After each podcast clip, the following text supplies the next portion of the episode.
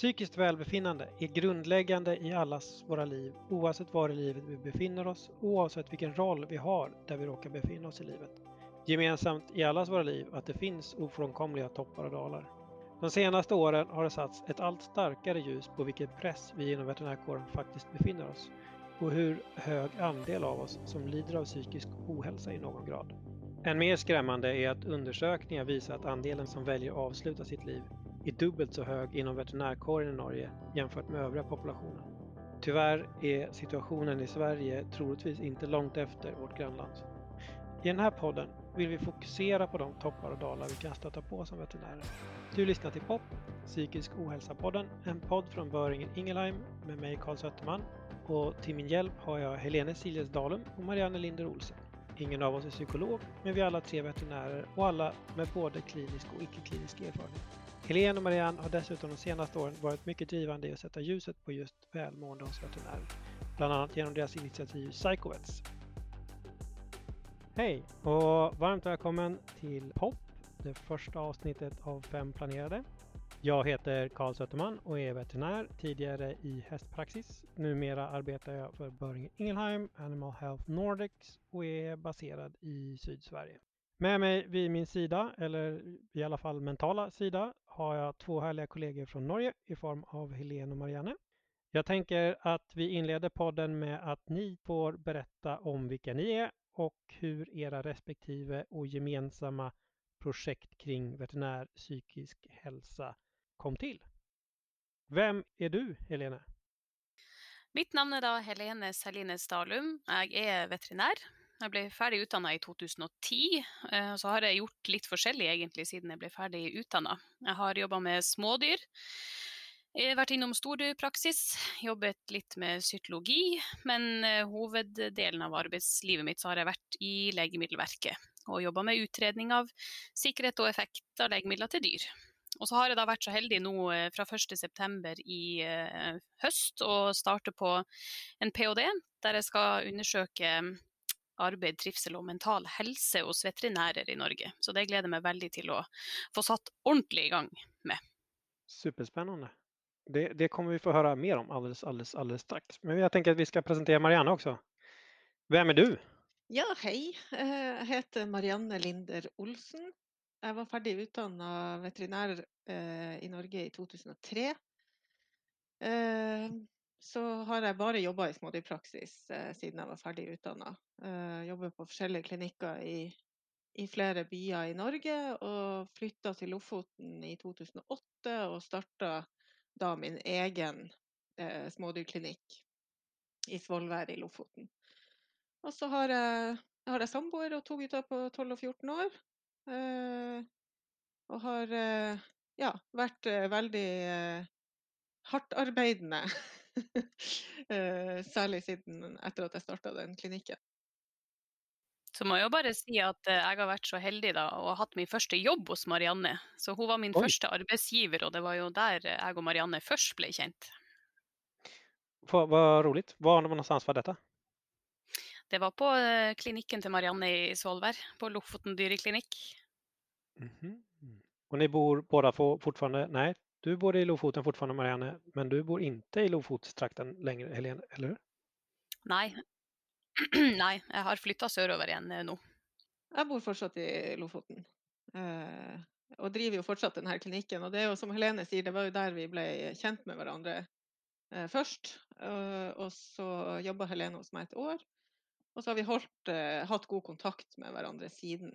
Eh, og siden vi nå skal snakke om eh, psykisk helse, så, eh, så er det jo egentlig kanskje der Helene og jeg har funnet hverandre mest, da. Eh, Mm.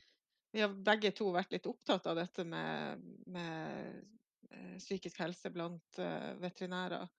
Jeg hadde jo sjøl en, en alvorlig depresjon for noen år siden. Men jeg forsto ikke sjøl at, at jeg hadde den. Eh, så jeg hadde masse symptomer, men jeg skjønte ikke helt at eh, dette dreide seg om min psykiske helse også. eh, som vi skal snakke mer om seinere, da. Men ehm, dette med at hvis man ser på selvmord da, relatert til profesjon, så er det jo dessverre sånn at vi veterinærer vi topper den der dystre statistikken i de aller fleste land i verden. Mm. Og høsten 2018 så var det en stor, velrenommert norsk avis som gjorde en featureartikkel om akkurat det i sitt sånn helgemagasin. Ja. Og i den artikkelen så var både Helene og jeg intervjua.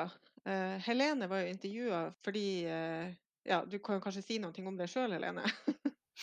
ja, jeg var intervjua i forbindelse med Norvett-prosjektet. Men det kan vi mm. snakke litt mer om etterpå. For vi har jo egentlig to eh, prosjekter som vi skal Eller to eh, fellesprosjekter, eller to prosjekter vi skal snakke om i dag. Og det er både Psychovets og så er det Nordvett-prosjektet. Precis. Og jeg og Marianne har jo tatt eh, navnet Psychovets, eh, som noen kanskje har sett. Starta vel mest som en sånn intern spøk mellom meg og Marianne når vi eh, først begynte å eh, snakke litt om det her til kollegaene våre. Og det var jo akkurat etter denne avisartikkelen mm. i Dagens Næringsliv. Mm. Det var litt så jeg kom i kontakt med er også, eller egentlig Helene, for du var jo og foreleste på veterinærer i vest våren 2020 som jeg var på og det, var, det var väl där hela den här idén med podcasten kom til liv. Sen har, har, det hänt lite med corona och sånt däremellan så det har inte blivit mycket mer med det sen dess. Men det, var, det är hemskt, hemskt roligt att vi har fått ihop det nu. Det, det gläder mig verkligen. Eh, men berätta lite, hur föddes idén att gå vidare med, med, med, med hela det här utifrån den artikeln som jag förstår att det, det är det som är startskottet i allting? Ja, det var jo egentlig den avisartikkelen som ble på en måte startskuddet, som du sier. Eh, fordi der var både Helene og jeg intervjua. Helene var jo intervjua i forbindelse med at hun allerede hadde starta forarbeidet til Nordvet-prosjektet. Mm. Eh, jeg var jo intervjua som, eh, som, en veterinær som hadde gjennomgått en tung depresjon og kommet mm. ut av den igjen. Og I artikkelen var også flere andre veterinærer eh, intervjuer, og, og, veldig mange har jo opplevd å miste en kollega i selvmord. Mm. Eh, og den artikkelen fikk enormt med oppmerksomhet i Norge og blant norske veterinærer. Mm. Jeg husker at den helga den sto på trykk eller ble lagt ut på nett, så fikk både Helene og jeg sånne 50-60 tekstmeldinger som kom da fra veterinærer over hele landet, som kjente seg igjen i alt det her, og som takka for at vi snakka om det. Eh, for de følte seg alene med alt sammen. Eh, og det var godt for dem å høre at det er flere som har det likedan, da, eller opplever det samme. Uh, og så ble jeg da spurt om å holde en presentasjon om dette her på et uh, veterinærmøte i Oslo. Uh, og fikk en enorm respons på det, som var veldig gøy. Mm. og så ble jeg bedt om å holde det foredraget på nytt et annet, på et annet møte. Og så drev jo Helene og snakka litt om de samme tingene og reiste rundt og holdt foredrag. Så vi fant ut at eh, ja, det her er jo, de er jo psychovets. Det er jo klart at vi må jo gjøre det her i lag. og, det, og det har dere fortsatt med, for, men ingen av dere gjør det på heltid. Du Helene holder på med Norvet-prosjektet i kombinasjon med psychovets på heltid, som jeg forstår mer eller mindre. Men Marianne, du kjører fortfarande klinisk arbeid også? Ja da, jeg har jo klinikken og, og er jo i klinisk praksis. Men, mm. men eh, så det her Psykovets-prosjektet er jo et sideprosjekt for oss begge to. Men, men, vi har veldig stor glede av det. Og vi har fått uh, veldig mange oppdrag og mm. veldig god respons. Og så er det Ja, vi har skrevet et par blogginnlegg for uh, Fekava. Uh, der vi bl.a. snakker om litt om selvledelse og litt om hva vi må gjøre både med oss sjøl, men også for hverandre som kolleger for å få det her til. Mm. Uh, vi er opptatt av å ufarliggjøre dette med psykisk helse, at vi må snakke om det, og at vi må også um, gjøre noen grep i veterinærbransjen for at, ja. at, vi, at det skal være en, et, et, bedre sted å være, rett og slett. Og prøve å ja. minske noen av de belastningsfaktorene som tross alt er der. Precis, och det, den, hela det, det är ju väldigt stort även i Sverige, vilket kanske inte är så konstigt som vi är ju ändå eh, väldigt nära varandra, eh, både geografiskt och eh, i övrigt. Men, men, den artikeln har ju fått genomslag även i Sverige. Och det även den artikeln som var i brittisk press väl, eller var det en studie? Det har ni bättre koll på än jag. Men det i alla fall var det mycket tal kring en, en brittisk publikation där de pratade just om psykisk ohälsa och uh, faktiskt suicidal bland, bland veterinärer också, vill jag minnas. Ja, det har jo vært mye oppmerksomhet, eller økende oppmerksomhet rundt mm. psykisk helse egentlig i veterinærprofesjonen nå de siste årene. Um, og det er jo sånn Overordna da, så er det ikke veldig mye forskning på det sett i sammenheng med f.eks. det som er gjort på forskning blant leger. Uh, men litt begynner det å bli etter hvert, og det man ser eh, gjennomgående da, er at selvmordsraten blant veterinærer er forhøyet, og den er forhøyet over tid og i flere land. Sånn at dette er jo sannsynligvis noe som uh, i større eller mindre grad er knytta til eh, veterinærprofesjonen, men vi vet for lite enda om hvilke faktorer er det som har sammenheng med f.eks. suicidal atferd eller selvmord i ytterste ja. konsekvens. Och vi kommer ta opp alle de här sakerna i senere avsnitt også, så att det er litt mer ingående. Dessverre så är det ju så även i Sverige at vi har noen fall der, der folk eh, har tagit sitt eget liv. Eh, jeg har inntrykk av at uh, veldig mange veterinærer uh, vet om noen eller kjenner noen som, som, har vært veldig langt nede, eller i ytterste konsekvens ja. har tatt sitt eget liv. Men det er, det er, et viktig poeng, det her. Vi, vi uh, tuller jo og spøker mye med det her og er litt opptatt av å ufarliggjøre det. Um, men altså, tilbake til den artikkelen som sto i Dagens Næringsliv. Um, hun journalisten som gjorde den artikkelen, eh, hun jo, var jo en erfaren feature-journalist som har gjort mm. uh, mange store utredninger. Uh, og hun sa at det var veldig en veldig uvanlig sak for henne. For, for de aller fleste saker så gjelder det at uh, du alltid finner noen som er uenig. Du finner, mm. Det er mm-hmm. alltid noen som har med denne saken å gjøre, som har en annen historie, eller som vil si at nei, det er ikke sånn det er. Men denne artikkelen opplevde hun for første gang at alle var enige. Hun har jo snakka med folk i bransjen, i ulike deler av veterinærbransjen, Veterinærforeninga, Veterinærhøgskolen, mange, mange ulike instanser. Og det var den samme historien som ble fortalt. Ja. Så at eh, det er klart at det, det er jo store mørke, altså Mørketallene er jo relatert til det at de aller fleste tar jo ikke sitt liv. Eh, ikke sant? De fleste, det er veldig mange som har det tungt, men det, det har vi jo ingen det vet vi jo ingenting om. Alle sitter uh, alene hver for seg og har det tungt. Så, så, det er litt av motivasjonen vår at vi, uh, at vi tar hull på denne byllen. Sånn, så, vi er flere der ute enn hva man kan tro som noen gang har mått dårlig, even om mm. det som man behöver ju inte må, man behöver inte vara psykiskt sjuk först när man tar sitt eget liv utan det är man ju långt, långt, långt innan dess. Mm. Eh, och det är väl lite det vi vill uppnå med detta, eller eh, i alla fall var det min tanke in, initialt, att precis som, som, som er mission, eh, att, att åskådliggöra hur vanligt det är och att det, det är flera av oss där ute som, som faktiskt någon gång har mått dåligt i, i någon grad. Mm. Uh, jag tycker det, det, är stort att ni har tagit på er det här jätte eh, Sisyfos-arbetet till, till att ja, det, påbörja, påbörja den här uppvisningen. Ja, ja tack Kalle. Ja, men, det är snällt av dig att säga. Men det er noe med at man, man, man forstår ofte ikke sjøl at man er på vei ned i denne tunge negative spiralen. Fordi at vi veterinærer vi har ofte en veldig høy grad av arbeidsglede. Det mm. viser mm. veldig mange forskjellige undersøkelser, egentlig. Mm. Både fra Danmark og, og, Norge kjenner jeg til undersøkelser som, der veterinærene scorer veldig høyt på arbeidsglede. Så vi er veldig glad i jobben vår. Uh, og da er det kanskje et, Det er mulig at det kan bidra til at man da ikke fanger opp de signalene man får da på at man er sliten. Uh, og det, det, som skjer ofte, er jo at hjernen går inn i et sånt her negativt tankemønster. som kommer litt og litt og litt. Og så forstår man ikke det helt sjøl. Eh, så det er viktig at man er på en måte at Det er også en, en, en av våre mål da, er å opplyse våre mm. kolleger om at dette skjer, og at, at man tar grep tidlig. Og mm. at det ikke er noe, det er ikke noe dum idé å prioritere seg sjøl av og til.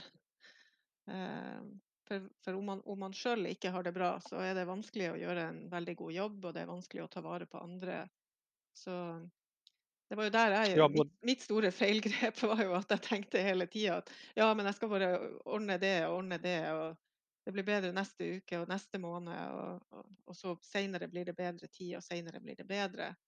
Eh, men det der mm. med å ta vare på seg sjøl, det er ingenting man kan utsette over lang tid.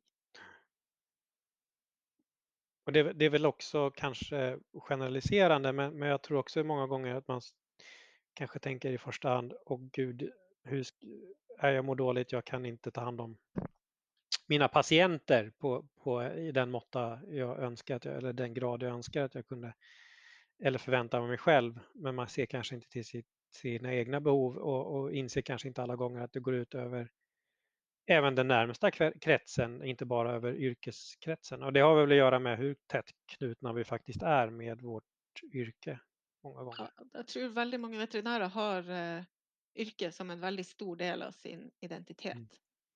Eh, att man är veterinär och man är eh, det, det, blir en, en sterk eh, følelse mm. av identitet knytta til arbeidet ditt. Mm. Uh, og så legg, har vi kanskje en tendens til å legge all vår energi der. Eh, og blir litt for lite flink til å porsjonere den energien ut på andre områder i livet også. Men det här är inte unikt för, för, för Norden heller, det, utan det, det, här är väl en, en internationellt fenomen såklart. Eh, vet, ni, ni, pratade mycket om att det fanns studier från Sverige, Norge och Danmark, men det finns studier även från andra länder kring veterinär, eller? Det här är eh, i hvert fall kjent fra helsesektoren. Mm. Uh, og det er forsket uh, ganske mye på helsepersonell, altså de som jobber innenfor helsevesenet, innenfor mm. humanvården.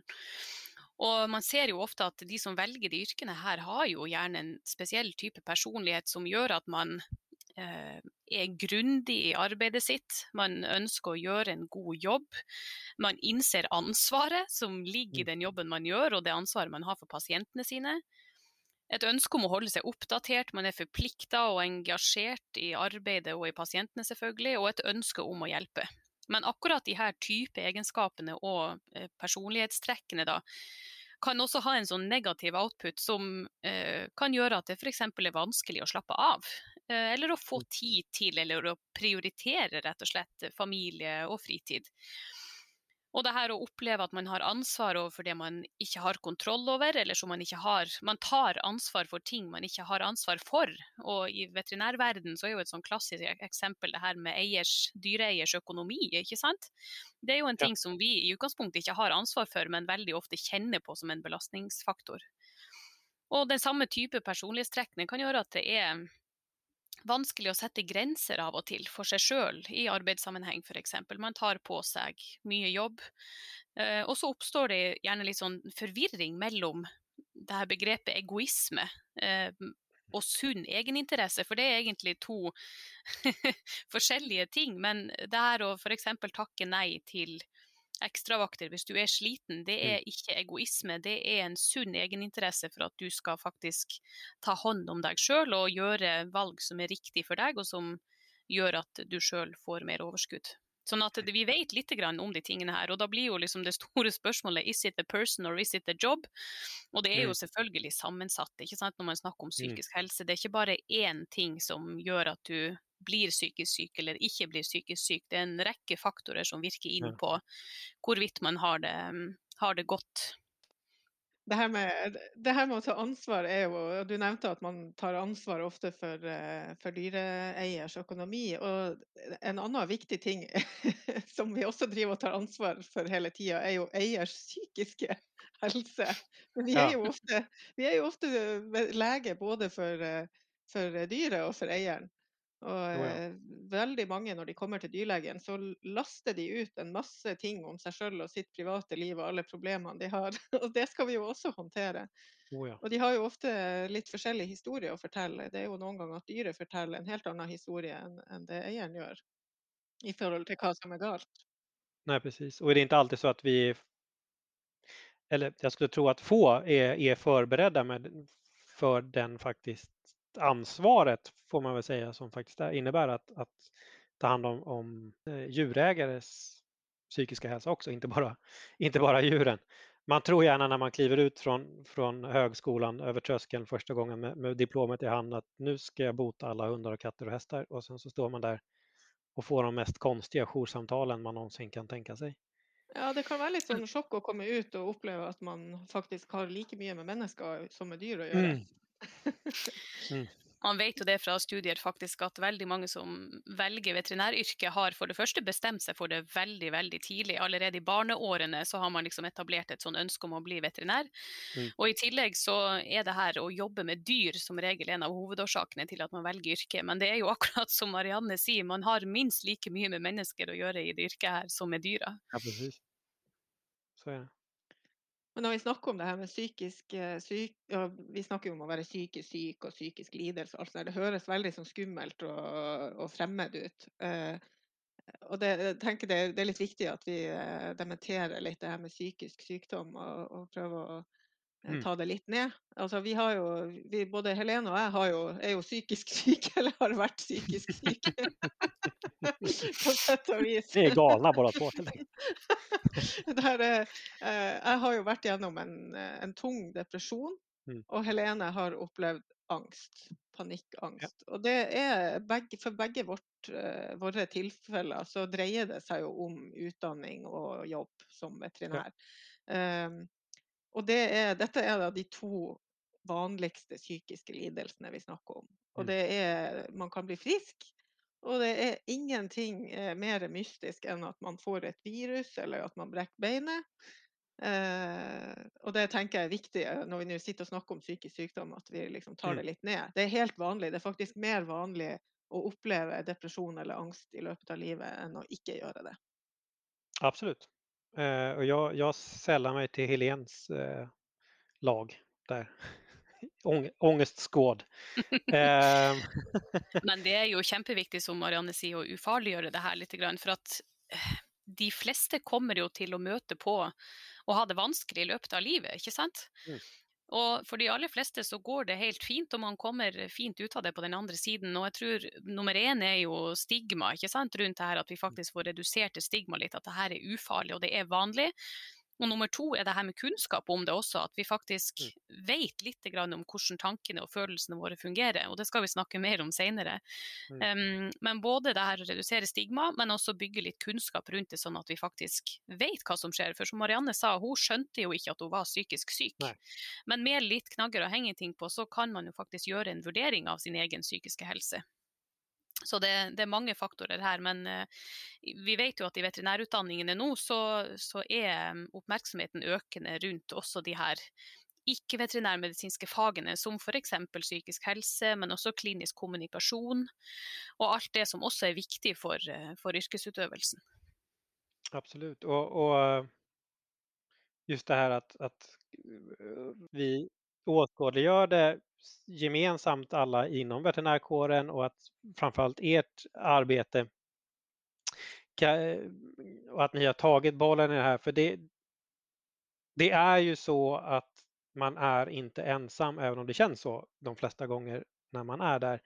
Som sagt, det är, jag tror att 20 procent runda slängar, om det är till och med 30 procent av Sveriges befolkning, har eller står på olika ångestdämpande eller antidepressiva läkemedel. Om det inte till och med så att det är fler än så. Men, men en hög andel medicineras för någon form av psykisk psykiskt lidande. Så, så, så det, det, och det, det är alltid tyngst när man är längst ner, men, men det blir som sagt bättre. Och framförallt så är man inte ensam om det. Det är ju det som är själva poängen. Og det håper jo vi faktisk nå med det Norvet-prosjektet vårt at vi skal kunne si litt mer om. fordi at det er gjort, det er gjort en del forskning på selvmordsrate blant veterinærer. Men det som vi ønsker å finne ut nå med prosjektet på Universitetet i Oslo, er jo å undersøke litt mer med de faktorene som ligger bak, og se om det er noen korrelasjon mellom f.eks. arbeidsrelaterte faktorer og symptomer på angst eller depresjon, eller på suicidalitet. Så vi håper nå at vi kan liksom grave litt mer i det her. For det at vi eh, har høy selvmordsrate gir oss på en måte ikke sånn kjempemye hvis vi ikke kan undersøke litt hva som ligger bak de tallene. Ja, absolut. Kan ikke du berette litt mer om Norvett-prosjektet, Helene? På liksom mer Det kan jeg absolutt. Um, inngående Du skal få en inngående forklaring i Norvett-prosjektet. Exakt. Vi skal bena ut her. Vi, eh, Nordvett-prosjektet er mm, rett og slett et ph.d.-prosjekt på Universitetet i Oslo, som hører til avdeling for eh, atferdsmedisin. Og når denne eh, artikkelen kom i Dagens Næringsliv i 2018, så hadde jeg allerede i noen år, faktisk, nesten to år, jobba for å prøve å skaffe finansiering til å gjennomføre denne eh, studien. Og det vi skal gjøre, rett og slett, eller det vi har gjort, vi driver med datainnsamling per nå, det er at vi har sendt en spørreundersøkelse til alle veterinærer med autorisasjon i Norge. Og det spørreskjemaet er vel på til sammen 12-13 sider, tror jeg. Eh, og vi spør om ganske mye som er knytta til arbeid, f.eks. vaktbelastning, eh, hvilken sektor man jobber i osv. En del individuelle faktorer, selvfølgelig. Hvorvidt man eh, er gift eller har en partner, hvor mange barn man har osv. Men også, eh, vi skal også undersøke mm, forekomsten av angst og depressive symptomer eh, og suicidal atferd. Og i tillegg grad av hjelpsøking og hjelpsøkingsatferd. Altså i hvor stor grad oppsøker veterinærene hjelp hvis de har det vanskelig eller har hatt det vanskelig. Så Norvet-prosjektet er ikke et prosjekt som bare skal se på selvmord, for det tror jeg på en måte hadde Nei. Det er liksom ikke bare statistikk med noen tall som vi kommer til å putte i skuffa, men eh, vi skal undersøke da både arbeid og trivsel og mental helse som en del av det. Og vi har jo per i dag faktisk 70 eh, responsrate, så Oi. Eh, prosjektet har blitt veldig godt tatt imot i den eh, norske veterinærprofesjonen, og det er vi jo utrolig glad for. Ja, jag har följt er på, på sociala medier och det är jätteroligt att det är sånt. Och det, det knyter lite tillbaks till vad den här journalisten sa efter artikeln, hur, hur enig veterinärkåren är om att det är ett problem. Och det är ju, det är ju först när man uppmärksammar en sak som ett problem som man kan ta itu med problemet egentligen. Det säger ju en hel del om, om, hur läget ligger och att det ligger rätt i tiden också. Att det faktiskt är så att vi behöver göra någonting åt det av flera olika anledningar. Men just att vi har nu rätt arbetsverktyg för att göra det kanske. I mångt mycket. Men det ska tilläggas, det var dit jag ville komma med en lång harang, att det, det är bra att du säger det. För jag tror att många, eller i alla fall jag till viss grad tänkte att det framförallt riktar sig mot kliniskt verksamma veterinärer. Men det, det är ju hela veterinärkåren. Och, och, det är ju en otroligt spridd yrkeskår. Vi har ett otroligt brett yrke som du sa Marianne innan. Så att det, det är ju inte bara så att det är jour, den som jourveterinären som mår sämst. Man har tusen olika anledningar till att och, och känna et stress og en ångestfylld vardag. Absolutt, og her tror jeg det er viktig å anerkjenne at veterinæryrket er jo eh, et krevende yrke eh, på mange måter, og ikke bare de som er i klinisk praksis. Mm. Men så er det også viktig å huske på at det er også veldig, veldig gøy å være veterinær. Nå snakker vi mye oh, ja. om veterinærer og psykisk uhelse og de tingene her, men det er jo et utrolig givende yrke som krever mye av deg, men som samtidig også gir mye tilbake. Eh, og man er jo i et yrke som har betydning for veldig mange, både dyr og mennesker egentlig, og på så mange plan. Sånn at yrket, og Det gir jo også veldig veldig mange muligheter. og Om man ikke trives i klinisk praksis f.eks., så finnes det jo en rekke andre alternativer til eh, jobb. Og Det blir også interessant å se i Nordvet-prosjektet nå, faktisk. fordi at Når det gjelder den forskninga som er gjort på veterinærer og psykisk helse, så er det ikke så mange undersøkelser som har sett på forskjellen mellom de som jobber i klinisk praksis og de som ikke jobber i klinisk praksis, f.eks. Så eh, det blir også interessant å se om det er noen forskjell rett og slett på de som er innenfor eh, klinikk, og de som jobber utenfor klinikk. Når det kommer til trivsel, f.eks. Precis. Hur är det med psykovetsarbetet just nu? Ligger det på is under corona eller har ni digitaliserat och gjort någonting annat ja. än den här förnäma podden förstås? Ja, nei, vi har um, Vi hadde jo en Vi hadde vel en tre-fire oppdrag på blokka når pandemien kom. Som Mm. da selvfølgelig ble kansellert. For fram til da så hadde vi jo reist rundt uh, sammen da og uh, etter, etter uh, holdt på å si ønske fra oppdragsgiver, da, så har vi jo reist rundt i Norge og, og vært i Sverige og i Danmark og, og sånn. Men, men det ble jo stopp på reisinga. Så det var jo en lang stund hvor vi ikke gjorde så mye, var så aktive. Men eh, nå har jo den digitale verden gjort eh, holdt på å si store framskritt, eller det har i hvert fall blitt mye mer vanlig å benytte seg av den. Sånn at Mm. nå kan vi jo gjøre ting digitalt, som du sier. Helene har jo hatt flere forelesninger digitalt og har hatt undervisning av veterinærstudenter på, på Veterinærhøgskolen. Eh, så nå begynner vi å få noen sånne type oppdrag, da. Og så lager vi podkast med deg, og så har vi spilt inn en podkast med en uh, australsk uh, organisasjon. Så, ja, så det, det skjer masse selv om det er pandemi. Ja, og det er vel nå om någonsin kjenner jeg, som at kanskje mange behøver det här.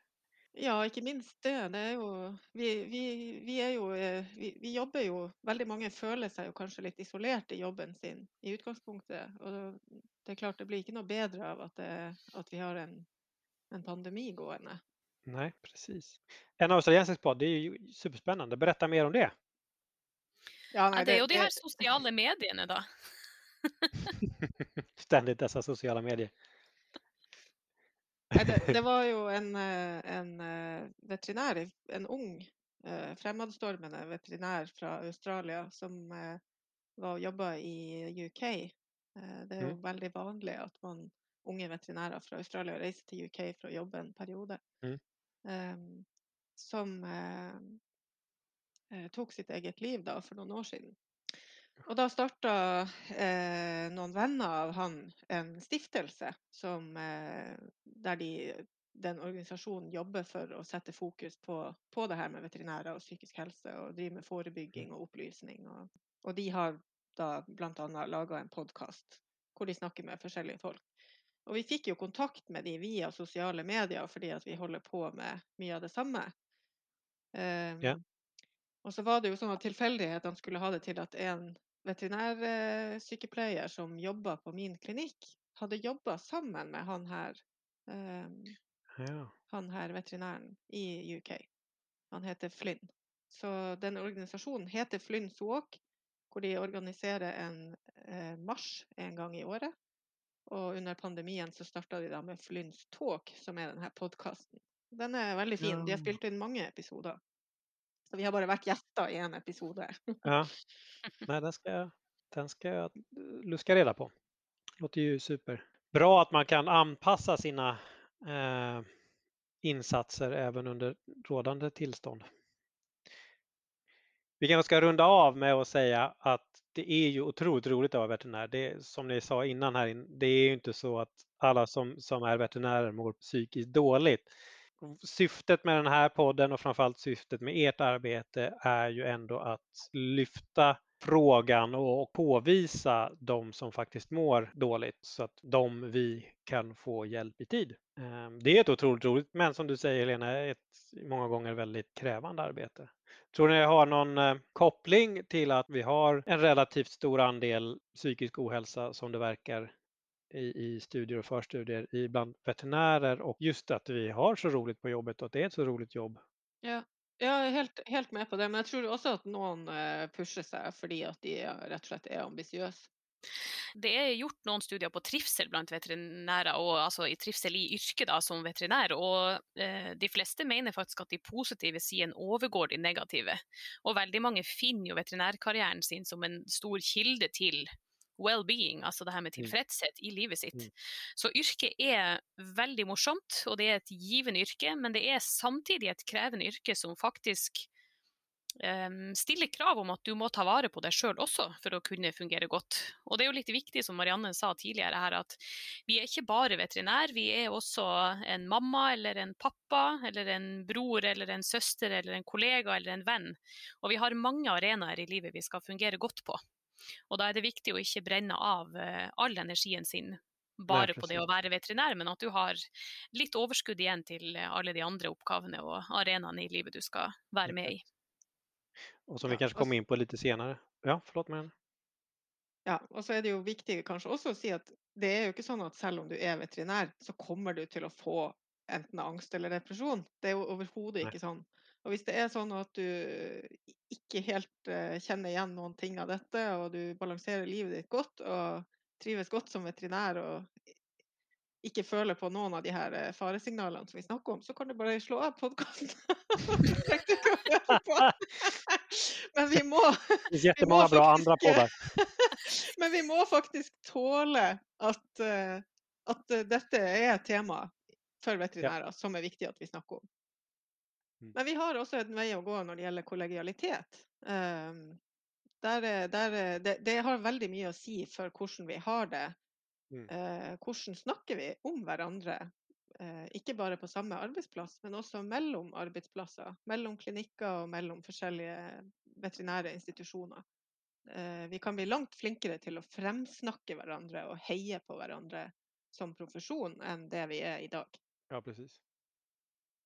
Vi har berört många av de teman som vi kommer ha i våra kommande avsnitt där vi bland annat ska prata om just är det personen eller jobbet, is it a person or is it a job? Och vi ska ha vad som, som är inom ramarna för veterinäryrket, vilka problem man kan se där som kan påverka psykisk ohälsa och inte minst om symptom och vad man får tag på hjälp och hur man tar hand om sina kollegor och framförallt hur man tar hand om sig själv.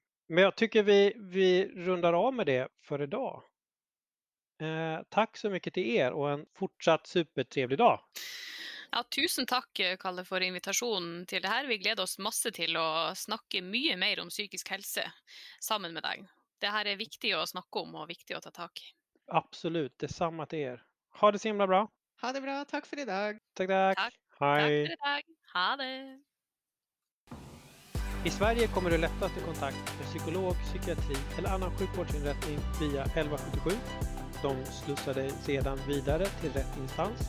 Man kan också hitta hjälp via Psykologiguiden, alltså psykologiguiden.se, Riksförbundet för social och mental hälsa, rsmh.se och inte minst via Sveriges veterinärförbunds hemsida där man hittar all information hur man kommer i kontakt med kollegiala nätverket.